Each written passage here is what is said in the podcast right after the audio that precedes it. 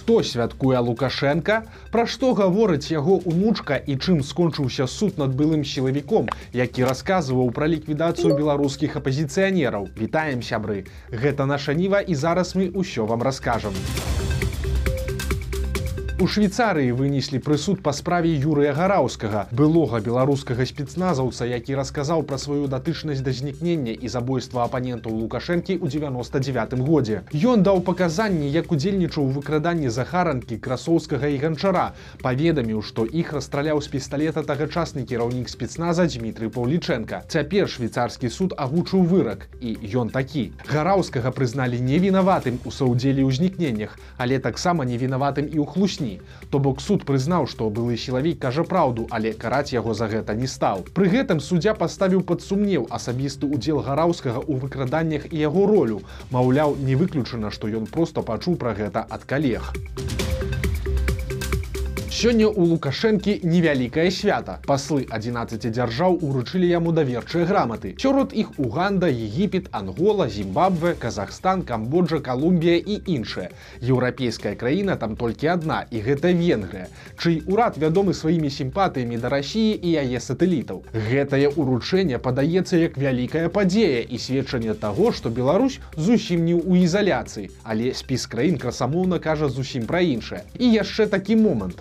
8 з 11 гэтых паслоў будуць сумяшчаць працу ў рассіі і ў беларусі ну і не абышлося без выступу лукашэн ён зноў паскардзіўся на санкцыі назваўшы іх аргументам бяссілля і заклікаў гасцей разам дамагацца іх адмены Праўда зусім нядаўна у сакавіку лукашенко дзякаваў Богу за тыя санкцыі і казаў што дзякуючы ім для беларусі адкрываюцца новыя рынкі але цяпер як бачым падзякі пераўтварыліся ў скаргі загаварыў і яшчэ адзін чалавек сямейства лукашэнкі. Гэта яго ўнучка дар'я дачка сярэдняга сына дмітрыя. Цяпер на бт выйдзе працяг перадачы героя дзе дар'я лукашенко ўсё ж засталася вядучай.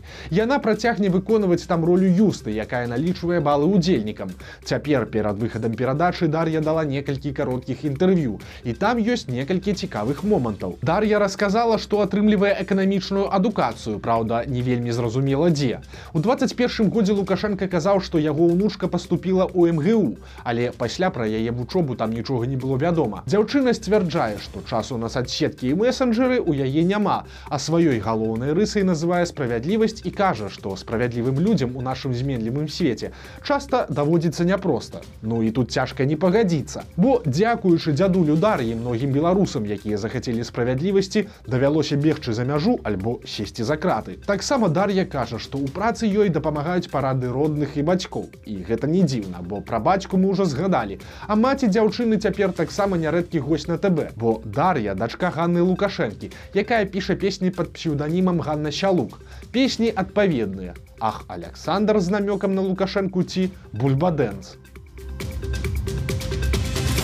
Пакуль унучка Лукашэнкі расказвае пра справядлівасць, яе аднагодкаў могуць чакаць новыя і зусім несправядлівыя змены. Аказваецца, што прымусовая адпрацоўка для студэнтаў платнікаў гэта яшчэ не ўсё. Еўрарадыо паведамляе, што ўлады хочуць, каб тыя, хто кідае універсітэт на апошніх курсах, таксама кампенсавалі грошы за сваю адукацыю. Гэтая норма яшчэ абмяркоўваецца, але выглядае лагічным крокам для прывязкі маладых спецыялістаў. Такім чынам, тыя, хто не хоча прымусовай адпрацоўкі, не змогуць могуць яе пазбегнуць. Бо кампенсацыя за вучобу калі чалавек адмаўляецца ад размеркавання гэта часам дзясяткі тысяч рублёў. Грошы для большасці беларускіх бацькоў непад'ёмныя. Цяпер жа выбар будзе паміж кепскім і яшчэ больш кепскім. Альбо плаці альбо цярпі Дзікая гісторыя, праўда, не з Беларусі, а з Польшы. У невялікім гарадку пад кракавам каталіцкія святары зладзілі вечарынку ў доме мясцовага вікарыя. Яны замовілі на яе, скажем так, мужчыну лёгкіх паводзінаў, наеліся таблетак для патэнцыі, але ж павесяліцца не атрымалася. Іх госць па невядомай пакуль прычыне страціў прытомнасць. Прыйшлося выклікаць хуткую. У выніку гісторыя ўсплыла. Цяпер дакладныя падрабязнасці высвятляюць і паліцыя і мясцовая епархія. Шуму дадае і тое, што ў цяперашняй польшчы каталіцкая царква гэта і частка культуры і польскай ідэнтычнасці. І пры гэтым часам прычына даволі сур'ёзных спрэчак у грамадстве. Польшчай кіруе кансерватыўная партыя права і справядлівасць якая абапіраецца на каталіцкі касцёл. Такі саюз прыводзіць да часам радыкальных рашэнняў таких напрыклад як тотальная забарона абортаў.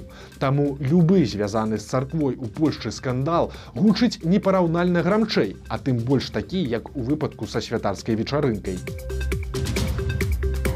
знаёмцеся Баба Нюра. Маладая дзяўчына Гана Клінцевіч прыдумала сабе вясковае альтер-эга і запісвае вясёлае відэа. Калі вы ездзілі да бабулі на вёску, то дакладна чулі ну вельмі падобныя маналогі. Тады мне Аля яшчэ звонила, там рассказывала, ўсё ж про эту беременную добиться не могут толку. Ой, як мне это уже все, каб ты знала, у печени ты разбой. Каза, мне Галя звонит, я кажу, Галя, все, не хочу ничего знать, бо надоело мне это все слухать. Одна одно каже, другая другое. Ну, добрая баба трохи тут вот, где что увижу за огороду. А так не знаю, а бы что. Казали же, что не от этого мужика, не из раменников, а некие другие приезжая. Ну, я и видела тоже. Ходила мусор выкидывать. Праз это, праз подворок. Там у нас контейнеры это стоят, что привозят, забирать. Ну, иду с другой стороны, понимаешь, каля хаты стоит. Машина другая черная, не это что приезжала. Прычым самой Гані ўсяго толькі 24 гады. У жыцці яна выглядае вось так. Раней дзяўчына прафесійна займалася спортам, а дакладней кіданнем молата, а цяпер у дэкрэце гадуе дачку і здымае шэдэўры ад бабы нюры. Беларускія тыктокеры працягваюць вясёлыя правакацыйныя апытанкі. Цяпер яны пацікавіліся ў беларускіх мужчын, колькі грошай тыя гатовыя даваць сваім жанчынам на прыгажосць. Некаторыя адказы былі нечаканыя. Сколько вы готовы давать денег в месяц своей женщине на салон красоты? Ну, долларов 600, 500. В месяц. Да. Пускай сама зарабатывает. А вы? Я ей не буду ничего давать. Зачем вы тогда ей? Ну, может, отношения не, только на деньгах строятся. Для любви.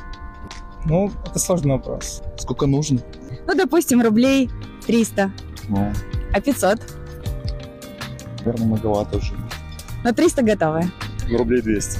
400 пусть. Мне для нее ничего не жалко. Ну, типа рублей 200, 300, 500.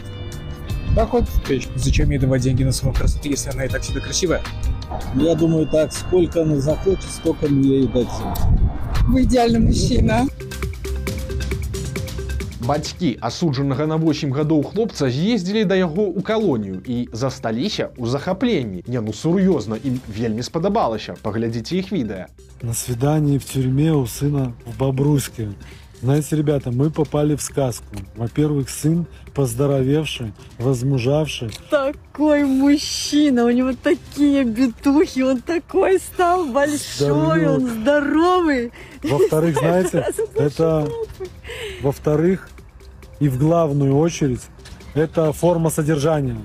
То есть их содержат очень хорошо. Мы попали в отель, мы в натуре попали в отель, где из, где из того, что это тюрьма, было понимание только, наверное, по решеткам на окнах, и то они оформлены так аккуратно и красиво, Можно я скажу? что словами не Там передать. есть и живой уголок, там есть и выход во двор, где есть лау- лаунж-зона. Лаунж-зона, Там чего не хватило? мебель, не там хватило качели. кальяна. Тут праўда варта адзначыць некалькі момантаў. Па-першае, калонія ад калоніі адрозніваецца і ўсё залежыць ад канкрэтнай адміністрацыі. А па-другое, сын гэтых людзей быў асуджаны не за каментар ці працу з журналістам, а за распаўсюд наркатычных рэчываў. Таму яму і жывецца так добра, бо да палітычных вязняў адміністрацыя ставіцца зусім па-іншаму.